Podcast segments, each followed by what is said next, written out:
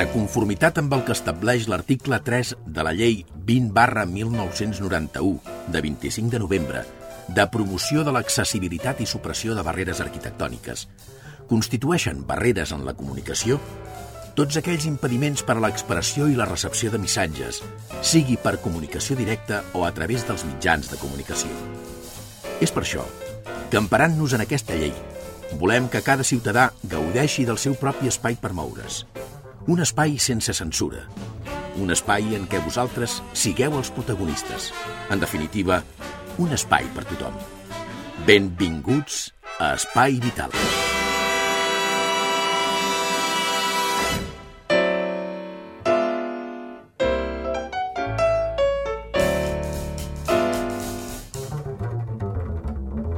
Senyores, senyors, què tal, com estan? Benvinguts, ben trobats a tothom a la sintonia d'Espai Vital. Una setmana més, amb una pila de coses més que els hi resumirem amb aquests 60 minuts. Donem la benvinguda a la nostra cuinera per deferència. Ella és la dona, Teresa Diviu, la que ens fa la cuina adaptada, amb només una mà, i al cap. Hola, Teresa. Bon dia a tothom. Hola, bon dia. I també el nostre convidat eh, d'avui al programa és el president de Creu Roja Cerdanyola Ripollet Moncada. Ell és Francesc Roset. Bon dia. Bon dia, Xavi, bon dia a tothom. Doncs molt bé, amb 3, 2, 1, comencem el programa d'avui.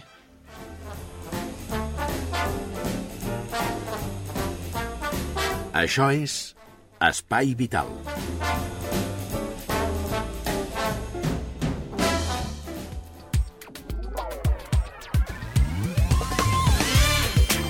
Doncs els hi dèiem, ens fa molta il·lusió tornar-lo a tenir aquí amb tots nosaltres, el Francesc Roset, com sempre. Eh, una visita per nosaltres molt agradable. Avui amb el Francesc Roset em sembla que ve a parlar-nos del Dia dels Drets Humans. No sé si m'equivoco, Francesc. No, no, no t'equivoques, però abans de parlar-te, doncs dir-te que jo també ja saps que sempre vinc amb moltes ganes en el teu programa i és un plaer estar aquí amb tu i amb tots els uh, oients de, del programa. Sí, no, com deia, no t'equivoques, avui eh, és el Dia Mundial dels Drets Humans, jo penso que és una data històrica per la humanitat, mm -hmm. eh, va fer un pas molt important endavant per eh, respectar la dignitat humana, que fins llavors almenys no vol dir que no es respectés en alguns casos, però eh, sí que no hi havia un document escrit i acceptat per gairebé tots els estats del món. Ah. Uh, com tu saps, uh, bé, el, es va ara fa, pues, penso, si no recordo malament, són 62 aniversaris, es commemorem el 62 aniversari de la promulgació de la Declaració Universal dels Drets Humans, que es va fer a París el 10 de desembre de 1948, el que en el Palais de Chaillot de París, que estava llavors era recent construït. Què diu la Declaració Universal dels Drets Humans? Bé, primer cal dir que és una declaració que reconeix la dignitat humana a tot ésser humà vingut en aquest món. Eh, tothom té aquesta dignitat humana eh, només pel fet de eh, néixer, sigui home, sigui dona, sigui nen, sigui nena. I a partir d'aquí doncs, es va promulgar una declaració que conté 30 mm, articles sí. amb tot una sèrie de drets que mm, pel sol fet d'ésser humà té quals, de ser un ésser humà té qualsevol persona en aquest món. Molt bé, què fa la Creu Roja per aquest dia, com avui? Eh, si he de parlar de la Creu Roja en general, doncs cada assemblea de Catalunya monta les seves activitats per commemorar aquesta fita. Uh, si he de parlar de Cerdanyola, doncs uh, de moment, eh, per una sèrie de circumstàncies, no hem pogut... Eh, estem plens d'activitats, no hem pogut muntar res més que eh, precisament aquesta aquesta emissió, aquesta convidada que ens fas en aquesta emissió del teu programa. Eh, és eh, de moment l'únic acte que fem. De totes maneres, sí que hi ha un, un acte aquest vespre també, eh, fem cada, cada any, ho commemorem també el Dia del Voluntariat, que és el 14 d'aquest mes, i nosaltres ens adellantem una mica perquè celebrem cada any un sopar amb els, amb els voluntaris per agrair-los eh, tota la feina que han fet durant l'any doncs ens reunim tots plegats i, i avui a les, 10 del, a les 9 a les 9 del vespre precisament aquí en un local de Ripollet eh, pues fem un sopar i recordarem també que avui és el Dia Mundial dels Drets Humans. Molt bé, amb aquest sopar, diu, feu, feu un sopar, un sopar recaptatori de, de calés o un sopar recordatori d'aquest dia? Mm, és un, no, no, no és recaptatori, no, és un, mm. és un sopar, ja dic, en principi, eh, pels, dedicat als voluntaris. De totes maneres, com que eh, la Creu Roja mai és gaire rica. Ah eh, al contrari, ens falten sempre diners per, per cobrir totes les necessitats de, de la gent, eh, sobretot ara amb la crisi. Eh, els voluntaris també mm, paguen una part d'aquest eh, dinar, si, vol, si voleu una part simbòlica, però, però també eh, col·laboren amb el, amb el sopar. Molt bé, doncs Dia Internacional dels Drets Humans. Avui es commemora que vostès, quan l'escoltin, ja s'haurà commemorat, perquè vostès poden escoltar el dimecres vinent, el, el divendres, el dissabte, depèn de quina emissora en aquests moments es estigueu escoltant. Diguem que la Declaració Universal dels Drets Humans avui és el seu aniversari, és el seu dia. Mm? És el seu dia. Molt bé, Francesc, escolta'm, deixem també que, que persones com el Jordi Condal, que és un, el nostre poeta coix, que així, així l'anomenem, ens faci un poema també per commemorar aquest dia, que I penso tant, que, és, tant, no que és interessant. Escoltem-lo i veureu que és especial, és el Jordi Condal.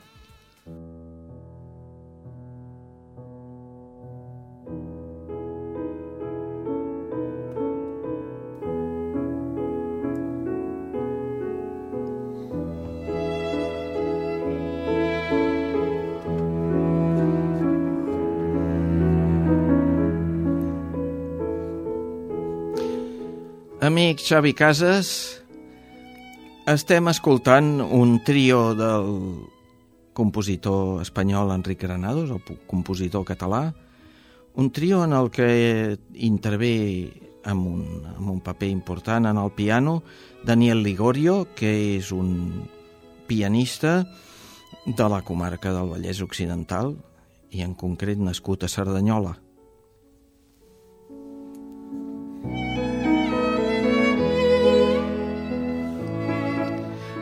Avui anem a llegir un poema d'un poeta eh, espanyol, penso que és del, del nord, no sé ben bé, d'Euskadi, i que es diu Leopoldo Maria Panero.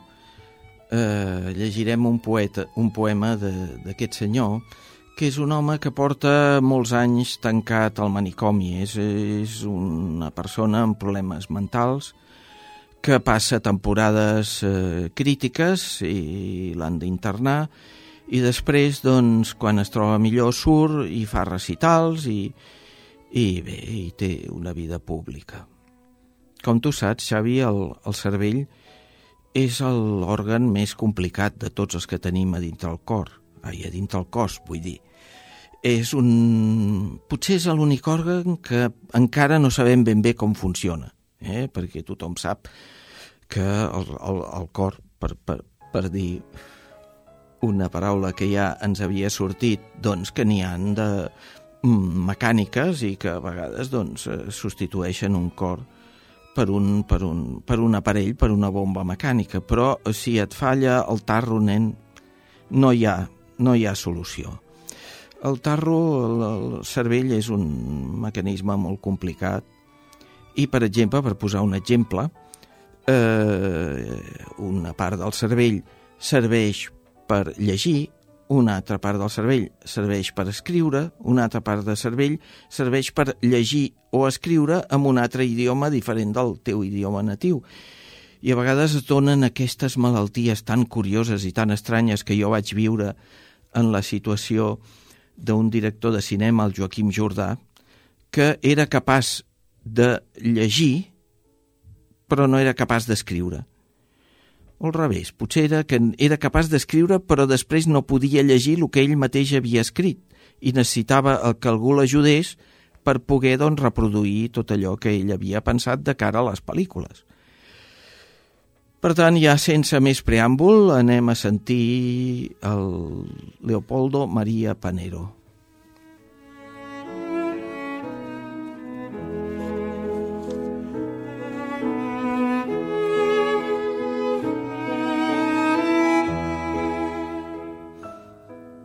El loco mirando desde la puerta del jardín.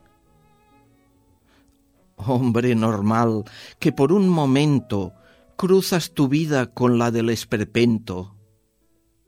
Has de saber que no fue por matar al pelicano, sino por nada, por lo que yo yazgo aquí, entre otros sepulcros, y que a nada, sino al azar, y a ninguna voluntad sagrada, de demonio o de Dios, debo mi ruina.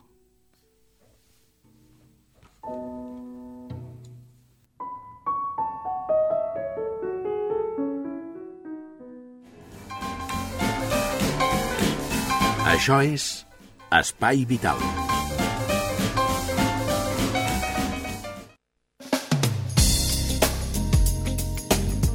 Jo em sembla que prou maca, prou maco el poema del Jordi Condal, que carinyosament li diem al poeta coix per entrar dintre de, de l'espai vital.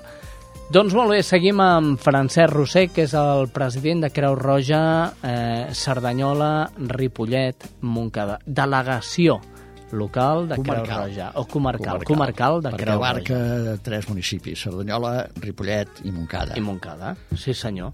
Molt bé, Francesc, eh, parlem de Creu Roja. Esteu d'eleccions, em deies. Doncs mira, sí, aquest any eh, ja saps que cada quatre anys eh, Creu Roja eh, fa un procés electoral per eh, la renovació dels càrrecs de direcció de la institució mm. a nivell estatal. I eh, aquest eh, procés va començar el juliol passat, Eh, vam tenir eleccions de, el 30 d'octubre Sí. I eh, el que passa que eh, el procés aquest és molt llarg a Creu Roja. Eh, de moment el que s'han escollit són els vuit membres del comitè local. Ah. Ah. Perdó, del, del comitè comarcal d'aquí sí. Cerdanyola, Ripollet, Montcada. I fins aquí mm, sis o set mesos eh, no farem l'elecció del president i, o presidenta i dels vicepresidents o vicepresidentes un màxim de tres. Aquest any t'has presentat tu? Uh, veiem, jo de moment uh, m'he presentat com a vocal del comitè. Uh, la qüestió de presidència, doncs encara ja, ja, ja t'he dit que ja he dit que falten sis o set mesos encara. Ahà. És qüestió d'anar-ho meditant. Uh, porto ja 12 anys en el, en el càrrec Sí. i mm, també jo el que no vull és ser un president que que sense que no tingui un suport eh, a la meva assemblea i també de part de la, de la província, del comitè provincial. Eh, jo si veig que els eh, meus col·laboradors, els tècnics i els voluntaris i voluntàries de, de l'assemblea doncs eh, seguim, em sembla que hem tingut en general eh, una bona relació de treball, doncs eh, si veig que segueix, doncs eh, potser sí si eh, jo capto que no soc, eh, no és prudent que em presenti, doncs eh, no ho faré. Jo estic segur que sí, que seguirà i que, i que l'escolliran un altre any perquè estigui com a president de la delegació local de Creu Roja, Cerdanyola, Ripollet, Montcada. Francesc, moltes coses eh, esteu fent a Creu Roja eh, i a, en aquesta delegació. M'agradaria conèixer aquestes activitats i qüestions eh, futures i, i properes que la delegació teniu en, endegant.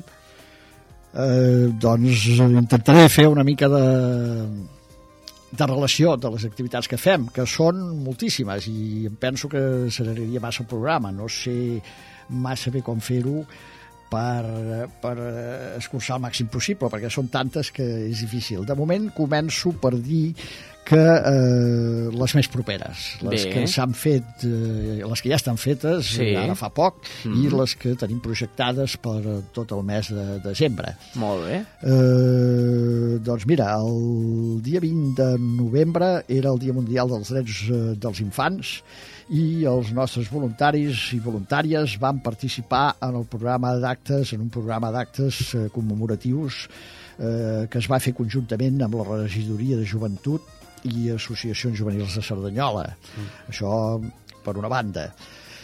Després, el dia 1 de desembre, es va commemorar el Dia Mundial del SIDA Mm. Aquesta plaga mundial. Eh, vam participar també, o van participar uns quants voluntaris i voluntàries en els actes commemoratius a Cerdanyola i Montcada, muntant taules per sensibilitzar i informar a la gent i després, eh, cada any, hi ha uns quants voluntaris i voluntaris que eh, els diem àngels de nit, que se'n van als llocs d'oci, discoteques, etc Mm-hmm. i reparteixen, informen i reparteixen preservatius en els... es posen unes ales a darrere l'esquena, eh, una samarreta de Creu Roja i unes ales darrere l'esquena, per això els hi diem àngels de nit, perquè fan aquesta, aquestes funcions informatives i de sensibilització en els mateixos llocs d'oci on sol anar la, la joventut. De fet, és una campanya eh, preventiva de, contra el SIDA eh, que funciona força bé. De fet, els, Exactament, els sí. xavals joves, el primer que fan quan veuen una persona d'aquestes amb les ales posades, és a dir, dame un condón que para esta noche tengo fiesta, no? eh que sí, Teresa? Jo crec que sí. Eh? Jo penso que la- l'haurien de repartir per mercat municipal. Jo eh? crec que també, eh? Oi que sí? Jo crec que també. que, que no tots són gent jove, que també No, no, és gent que- gran, També, eh? també. El sexo en la tercera edat també existe, eh? Sí, sí, que tant, això també sí, ho sí, sé encara jo, que eh? la gent no s'ho sí, cregui. sí. Els joves no s'ho creuen, potser, però sí, és veritat, a la tercera edat també existeix. Molt bé, més coses. Eh, el dia 3 eh, de desembre eh, també es va commemorar el Dia Internacional de les Persones amb Discapacitat i llavors hi va haver un acte de sensibilització a la plaça de la Biblioteca de Cerdanyola. Hmm. Eh, a, la tarda, a la tarda també hi va haver una taula rodona a l'Ateneu de Cerdanyola sobre, i es va, un tema que eh, es titulava, si no recordo malament, discapacitat i inclusió social. En aquesta taula rodona hi va participar una experta, eh, una psicòloga de Creu Roja. Ahà. El dia 10, avui, doncs, eh, ja n'hem parlat, el Dia Mundial dels Drets Humans, Sí, senyor. I malauradament no puc dir que fem masses activitats, però bé, la- l'entrevista aquesta que m'estàs fent ara Sí. m'ha- donat l'oportunitat de, de, de recordar simplement a la, a la gent que avui és el Dia Mundial dels Drets Humans i a la, al vespre eh, aquest sopar eh, amb els voluntaris. Molt bé. Eh, després eh, tenim eh, el dia 13 eh, Can Tauler de Montcada ara estem parlant ja de les que vindran Sí, sí, properament. sí. A el Can dia Tauler de 13. Montcada, a les 18 hores, hi ha un acte d'entrega de diplomes als alumnes dels cursos de premonitors de lleure. Premonitors, premonitors de lleure. Mhm. El dia següent, el 14, al centre La Ribera de Montcada es fa una festa de comiat dels nens de primària que han fet el curs de català àrab. Català àrab, Sí, això també ja fa- està ja- dintre de Creu Roja, Sí, això? ha, sí, sí, hi ha famílies, hi ha famílies nouvingudes que, bueno, nouvingudes, no, o no tan nouvingudes en aquest cas, que Sí. els seus nens ja o han nascut aquí o, o fa uns anys que són aquí i no coneixen l'àrab Ah, i les famílies volen que, que, eh, que els seus nens aprenguin l'àrab. Eh, esclar, això està dintre de Creu Roja pel fet de simplement de, de, de fomentar la integració bé. és, és, és això. Potser es, sona una mica raro que nosaltres fem això, però és perquè de cara a fomentar la, la integració de tothom i la bona convivència. El mateix dia 14 és el Dia Mundial del Voluntariat. En aquest cas, eh, alguns dels nostres tècnics de, de l'Assemblea eh, participen, participaran en una, o assistiran, més ben dit, a unes jornades tècniques d'inclusió social organitzades per l'Ajuntament de Cerdanyola.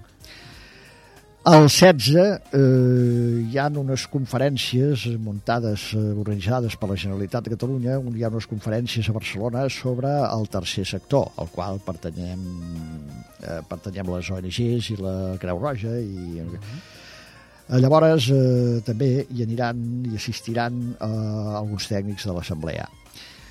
El mateix dia 16 hi ha un acte d'entrega de diplomes a l'Ateneu de Cerdanyola als alumnes immigrants que han fet els cursos d'inici- d'iniciació al català, d'iniciació al castellà i els cursos de coneixement de l'entorn.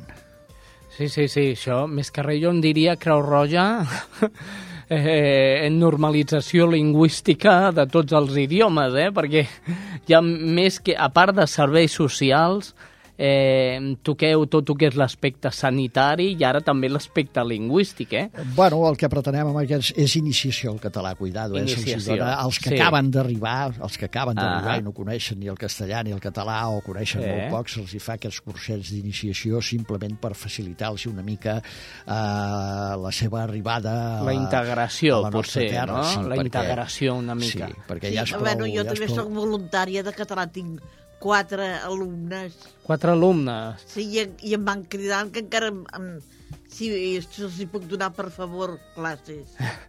Escolta'm, mira, com és molt interessant totes les activitats que m'estàs donant, fem una parada al camí, anem a escoltar l'onzè capítol de Desaparecida, una vida rota por la sensibilitat química múltiple, que recordo és Eva Cavaller, que té aquesta malaltia, sensibilitat química múltiple, i que eh, va treure un llibre eh, de l'editorial El Viejo Topo que es deia Desaparecida. Nosaltres l'hem traslladat a ràdio, digue'm, Francesc. Eh, doncs mira, arrel de l'anterior programa que vaig venir aquí que em vas parlar, jo em vaig comprar el llibre i l'he llegit. I realment és... Amb la seva, amb la fotografia de, de la portada que es veu la noia Sí, sí, sí. nua... eh, Sí, sí, me'l vaig comprar. I jo, jo em sembla que la portada aquella identifica la fragilitat de la persona que, que que és la mateixa Eva Cavaller.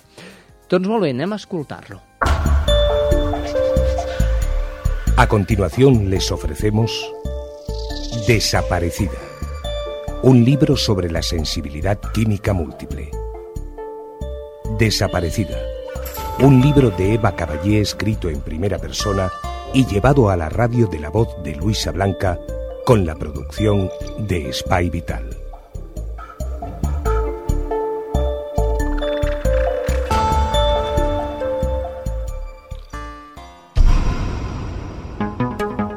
Los médicos son muy afortunados.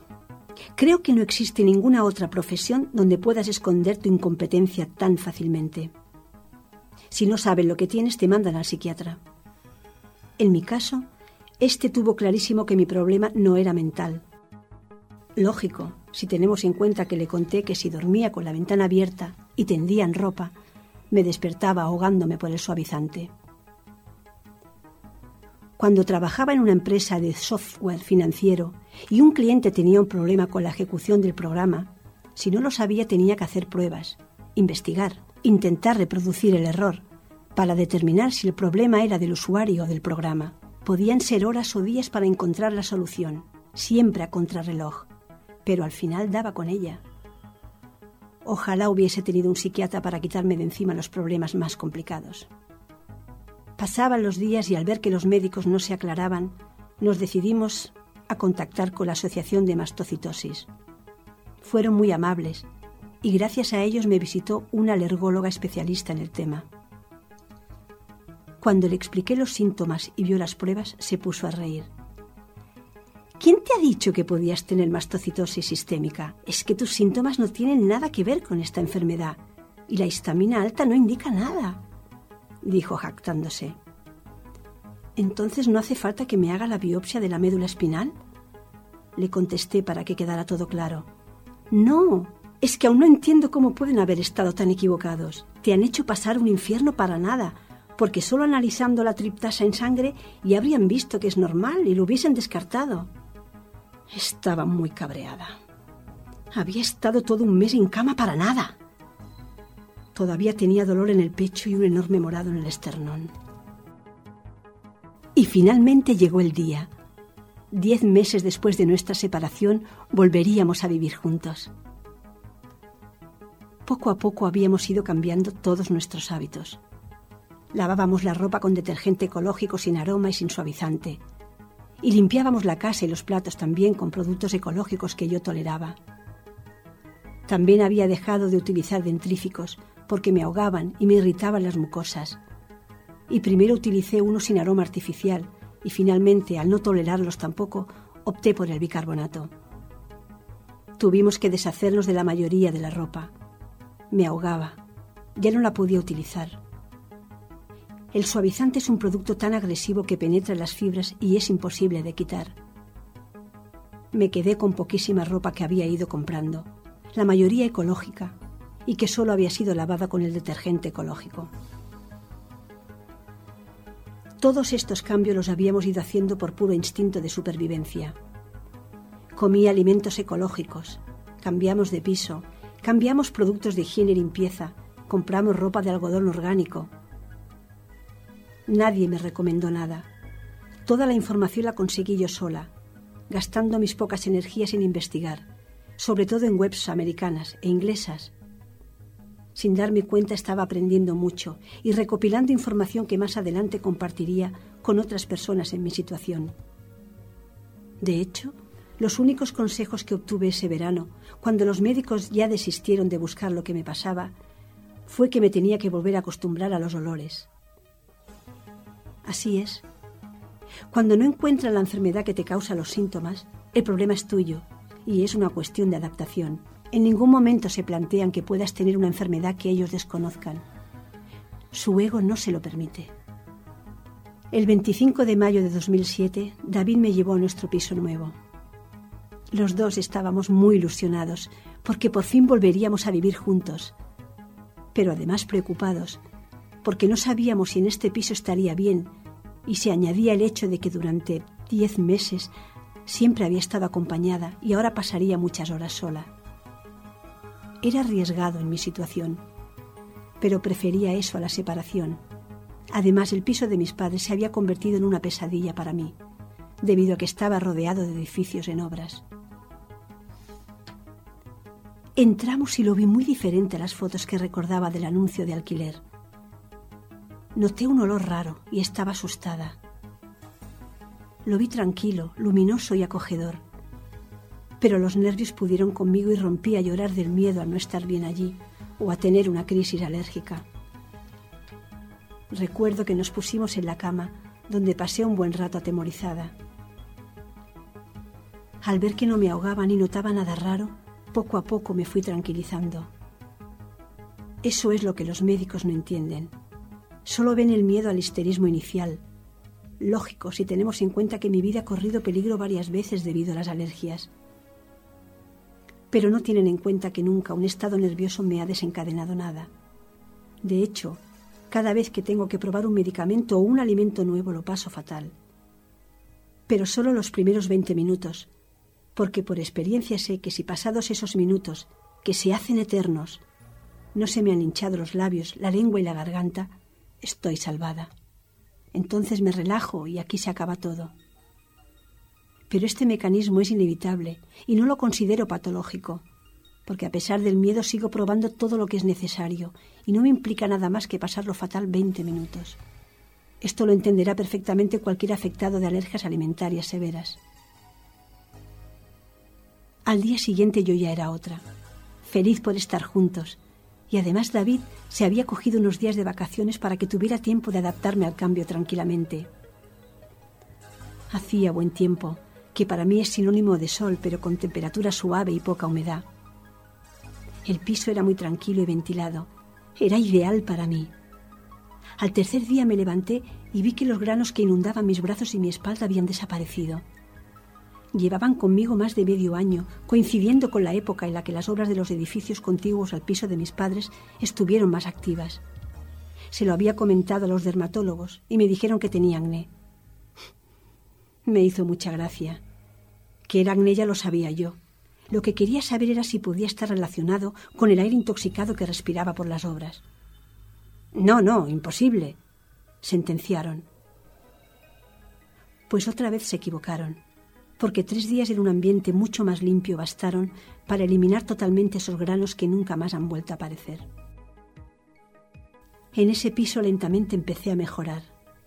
Tenía más fuerza y ya podía levantar el vaso con agua, levantarme sola del sofá, ducharme sola, o llevar mi propio plato con comida. Volví a hacer mi tabla de ejercicios en casa y casi recuperé mi peso de antes de enfermar. Además, casi cada día salía y caminaba cinco minutos por la plaza que está justo debajo de mi casa. Mi cuerpo reaccionó muy positivamente al cambio a un entorno menos tóxico.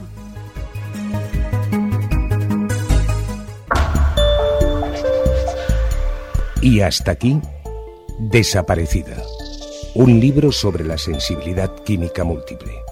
Desaparecida. Un libro de Eva Caballé escrito en primera persona y llevado a la radio de la voz de Luisa Blanca con la producción de Spy Vital. Desaparecida. Un libro de la editorial El Viejo Topo.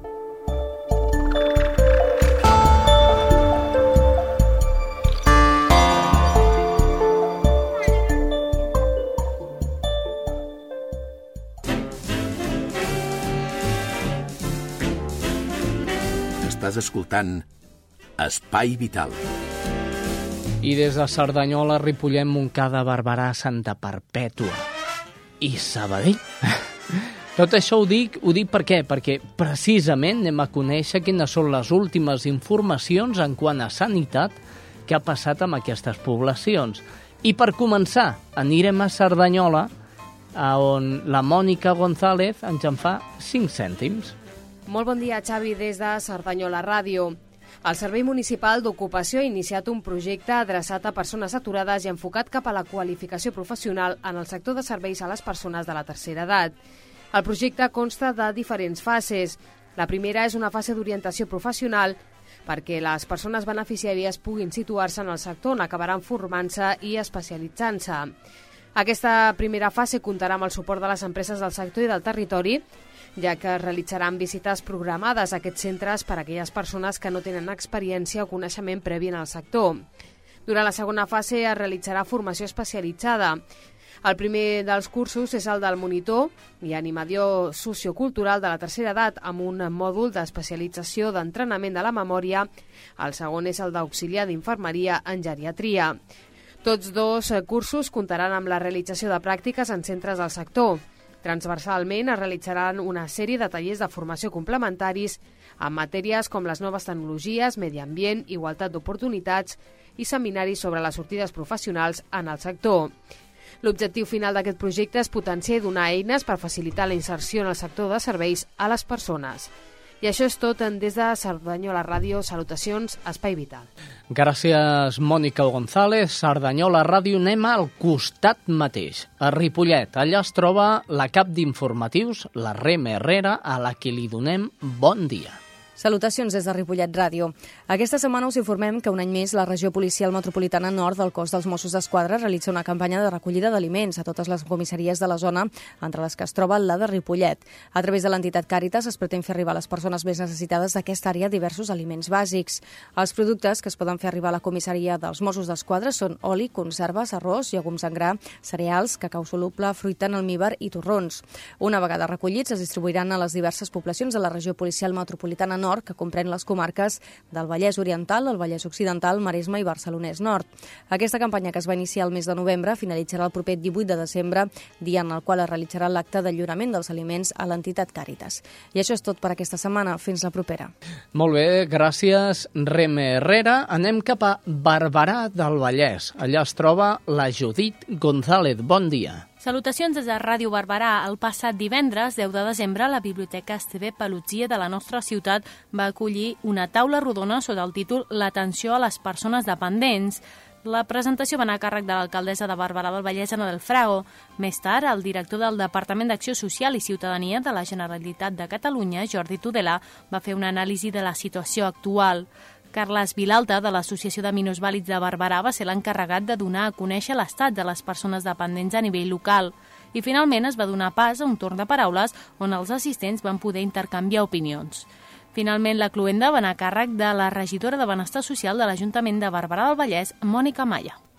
Doncs moltes gràcies, Judit González. Des de Ràdio Barberà anem cap a Ràdio Moncada. Allà es troba la Sílvia Díaz i provem ara. Salutacions. Hola, salutacions des de Montcada l'Espai Vital.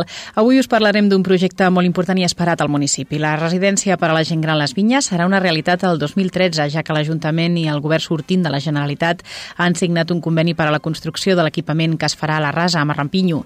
Es tracta d'un contracte programa que concreta la forma en què s'ha de dur a terme la dotació d'aquest centre, que tindrà capacitat per 120 places de residència i 50 com a centre de dia per a persones amb dependència. La previsió és que les obres es licitin i s'adjudiquin durant l'any vinent, de manera manera que entri en funcionament el 2013. El Consorci de Serveis d'Atenció a la Dependència de Montcada i Reixat, conformat pel Consistori i el Consorci Hospitalari de Catalunya, serà l'organisme encarregat d'impulsar la construcció i la posada en marxa de la nova infraestructura sociosanitària i el procés serà supervisat per una comissió de seguiment en què hi haurà també participació ciutadana. El cost de l'obra, encara per determinar, l'assumiran a parts iguals la Generalitat i l'Ajuntament. L'edifici ocuparà una superfície de més de 5.500 metres quadrats i disposarà de quatre plantes més soterrani. El 95% 50% de les places seran públiques i la resta privades. El projecte de construcció d'una residència i un centre de dia per a la gent gran es va començar a gestar fa anys arran la iniciativa d'un col·lectiu de veïns que es va constituir com a plataforma ciutadana a favor d'una residència pública. Doncs bé, això és tot. Fins a la pròxima. Gràcies, Sílvia Díaz. Anem cap a Santa Perpètua. Allà es troba l'estrella Núñez. Hola Xavi, hola oients de l'Espai Vital. A Santa Perpètua, les persones amb discapacitat física o psíquica tenen un punt de reunió cada dissabte a partir de les 4 de la tarda al Centre Cívic Can Folguera. Es tracta del punt de trobada, on les persones amb discapacitats es reuneixen per fer activitats lúdiques, la majoria gratuïtes i altres però de pagament. Aquest espai de lleure, organitzat per la Regidoria de Benestar Social de l'Ajuntament de Santa Perpètua, funcionen des de fa uns 10 anys coincidint amb el curs acadèmic. El grup ha dedicat el mes de novembre al món del cinema. Desembre tractarà sobre la pintura i un dels objectius serà crear un nou logotip per al grup. L'objectiu del punt de trobada és crear un grup d'amics que es troben per passar el temps lliure i fer les coses amb normalitat. Aquest curs els educadors socials organitzen activitats diverses sota una temàtica general. Aquesta iniciativa està oberta a a totes les persones del municipi amb alguna discapacitat física o psíquica. Els interessats a fer alguna d'aquestes activitats, l'únic que han de fer és dirigir-se a la regidoria de Benestar Social de l'Ajuntament de Santa Perpètua. El punt de trobada, adreçat a les persones amb discapacitats, està en marxa els dissabtes a partir de les 4 de la tarda al Centre Cívic de Can Folguera. I això és tot des de Santa Perpètua. Fins la setmana vinent. Fins la setmana vinent. Anem ràpidament cap a l'últim dels punts de connexió de la roda informativa, que és Sabadell. Allà es troba la Karen Madrid. Salutacions des de Sabadell. Avui us parlem d'un dels efectes de la crisi econòmica, l'augment del nombre de persones que demanen ajuda a Càritas. Concretament, uns 500 sabadellencs s'acosten cada setmana a la seu de l'entitat en busca de menjar, roba o feina. Es tracta del doble de persones necessitades que fa tot just un any. Des de Càritas apunten que la majoria d'aquests ciutadans són immigrants que porten molt temps aquí, però que ara, per l'actual conjuntura, s'han quedat sense feina. No obstant això, també hi ha gent autòctona que demana ajuda i que mai no ho havia fet fins ara. Són sobretot pensionistes que sobreviuen amb menys de 500 euros al mes i que han d'ajudar els seus fills en atur. Càritas atén totes aquestes persones independentment de la seva raça, edat o situació gràcies a la implicació de més de 200 voluntaris. És tot des de Sabadell.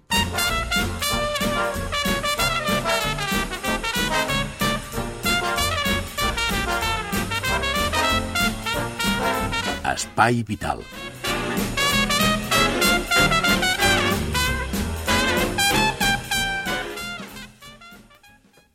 Molt bé, doncs continuem a l'Espai Vital i jo vull continuar amb el francès.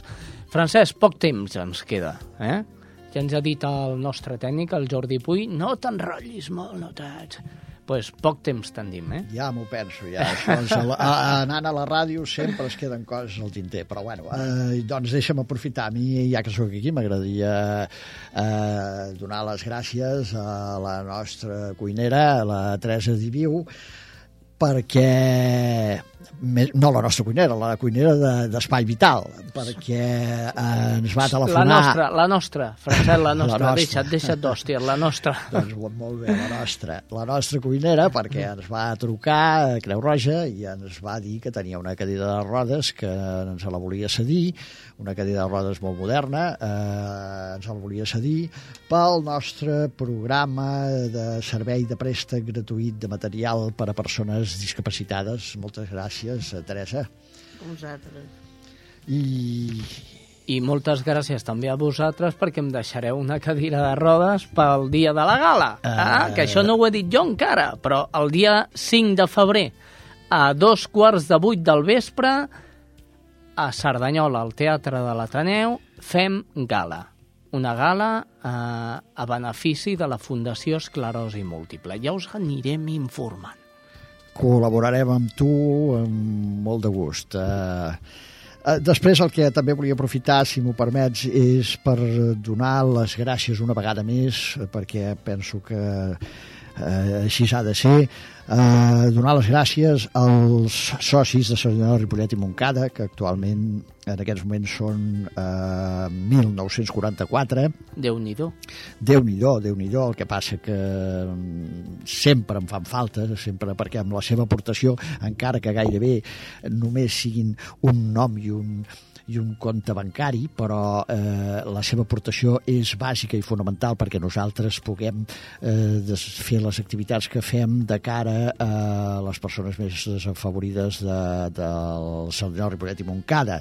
I també aprofitar la, per donar les gràcies i reconèixer que totes aquestes activitats que es fan a Creu Roja són possibles gràcies al personal voluntari que tenim voluntàries i voluntaris de Cerdanyola i de Ripollet Moncada que permeten dur a terme eh, totes les accions i totes les activitats mm, en benefici, repeteixo, de les persones més vulnerables del nostre entorn. També, evidentment, eh, agrair a l'equip tècnic que tenim a l'Assemblea. Actualment hi han 18 tècnics que eh, són els que donen suport a totes aquestes activitats que fan els voluntaris i voluntàries. Mm -hmm. Gràcies a tothom. És molt fàcil dir eh, jo sóc voluntari, però si no ho portes a terme, eh, no fas la tasca que fa un voluntari, no ets voluntari. És a dir, pel simple fet de dir soc un voluntari, ahí me quedo a mi, mm, pues aquí hi haurà una silla, se lleva i ja està. No els autèntics voluntaris són els que s'involucren amb la feina que fan i a Creu Roja tots els voluntaris s'involucren com ho han de fer. Molt bé, Francesc. Doncs escolta'm, no vull que marxis sense emportar-te una recepta de cuina. I tant, i a mi ja em convé perquè això d'estar solter i sense compromís, escolta, amb de la cuina no ho porto massa bé. Ja em va bé, ja em va bé. T'has de buscar compromís. doncs vinga, anem amb la recepta de cuina de la Teresa Diviu, que avui apunta bé. És sopa de marisc. Ahí queda eso.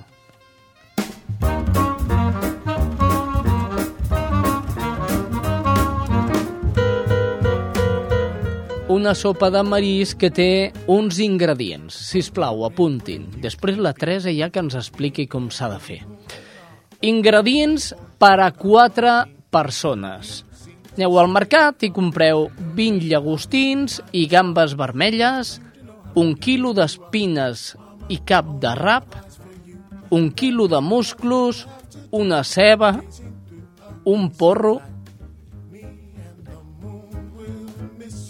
una, Una pastanaga, pastanaga. una pastanaga, sí, tres cullerades d'oli d'oliva, una cullerada de salsa de tomàquet, una cullerada de pebre vermell, dolç, un rajolí de brandi, ospa, ospadreta, de brandi, mucho, una mica de julivert i sal.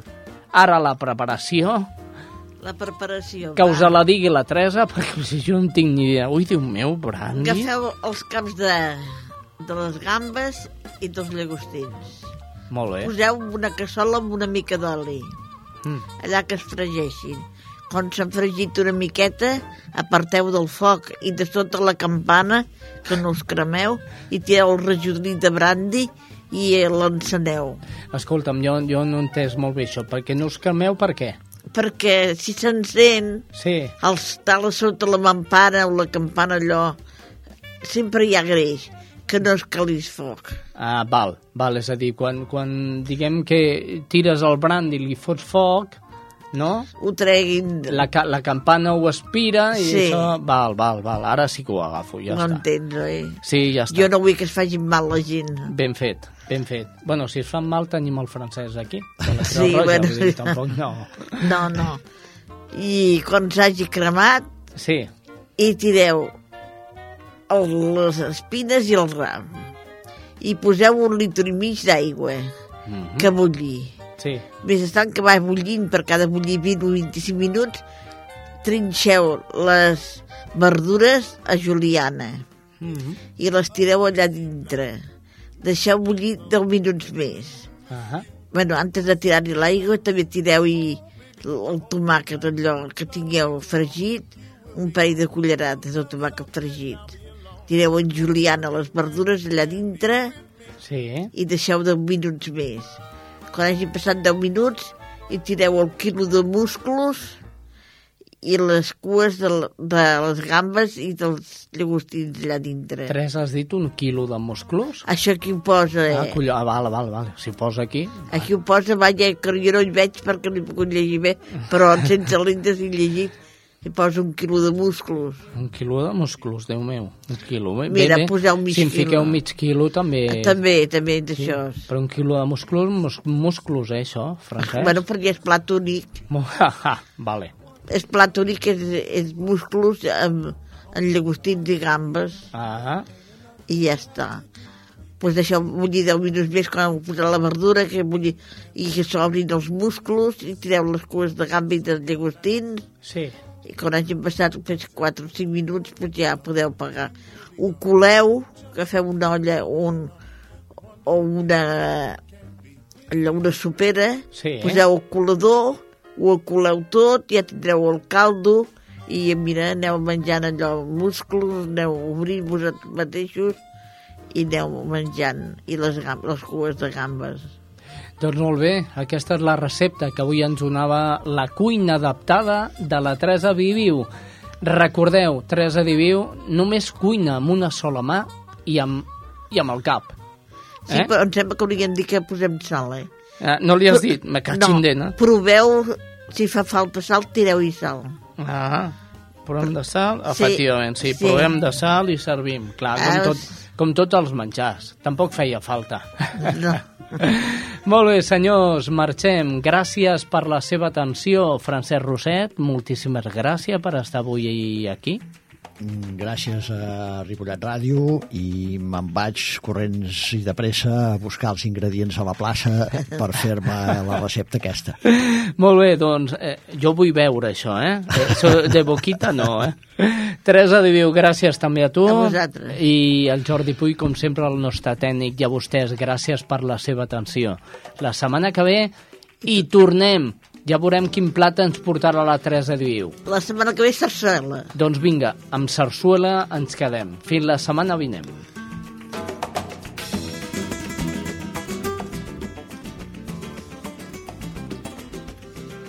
Esto es Joaquín el Necio. Per si no ho sabíeu, és l'Albert Pla. Jo us animo que l'escolteu perquè eh, no té la veu que té a llavors. Escolteu-lo que us agradarà. Fins la setmana vinent. Yo que estaba acostumbrado a dormir acompañado Y yo que tanto la había amado Son 10 años de casado ¿Y por qué te fuiste rosa mi vida? ¿Por qué te fuiste con ese negro? ¿Por qué te fuiste si yo te quiero? Que tendrá el negro que yo no tengo Se preguntaba Joaquín el necio, metro sesenta, bajito y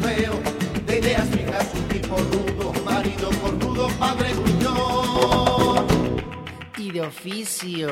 Zapatero remendón, ay que tacón, ¿Será que tiene un pollón grandote? Que el negro tiene un cacharro enorme ¿Y qué puta quiere Rosa mi vida? Perder el culo por un cipote. ¿Será que Rosa se ha vuelto loca y no por su cosa se quiere al hombre? Sino que dentro hay mucha más gracia. Yo tengo mucha gracia interior se lamentaba Joaquín el necio, celoso y macho, un hombre que era, yo te perdono Rosa mi vida,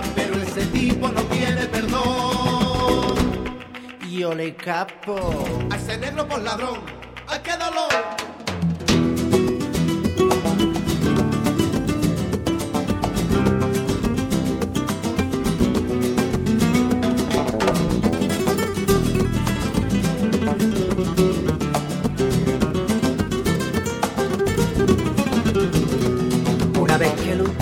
Zapato tuvo arreglado salió a la calle. Navaja en mano, sol de verano En un bar del centro los encontró. Y entró en el bar y se hizo silencio La clientela apuró los pasos. Y sin dar tiempo Joaquín el necio Le cortó al negro su palo entero. Rosa lloraba sobre la barra, el negro en el suelo se desangraba, Joaquín se limpiaba su navaja, la clientela volvió a beber. Joaquín ¿Pero qué pasa, cornudo? ¿A qué pasión? Joaquín miró la parte amputada y de verdad que eso no era nada. Ay, que tendría el maldito negro, que tendrá el negro que yo no tengo. ¿Será que Rosa te ha vuelto loca? ¿Por qué te fuiste con ese negro? ¿Y por qué te fuiste si yo la tengo mucho más grande? Aquí no hay color. Lloro de rabia, Joaquín el necio no comprendía, pregunto al cielo, la clientela llenó los vasos y al unísono le respondió. Pero ¿por qué será, Joaquín? ¿Por qué? ¿Por qué será? Porque el negro es mejor que tú, no tiene malicia ni mal corazón. El negro es mejor que tú, es más bondadoso y más vacilón.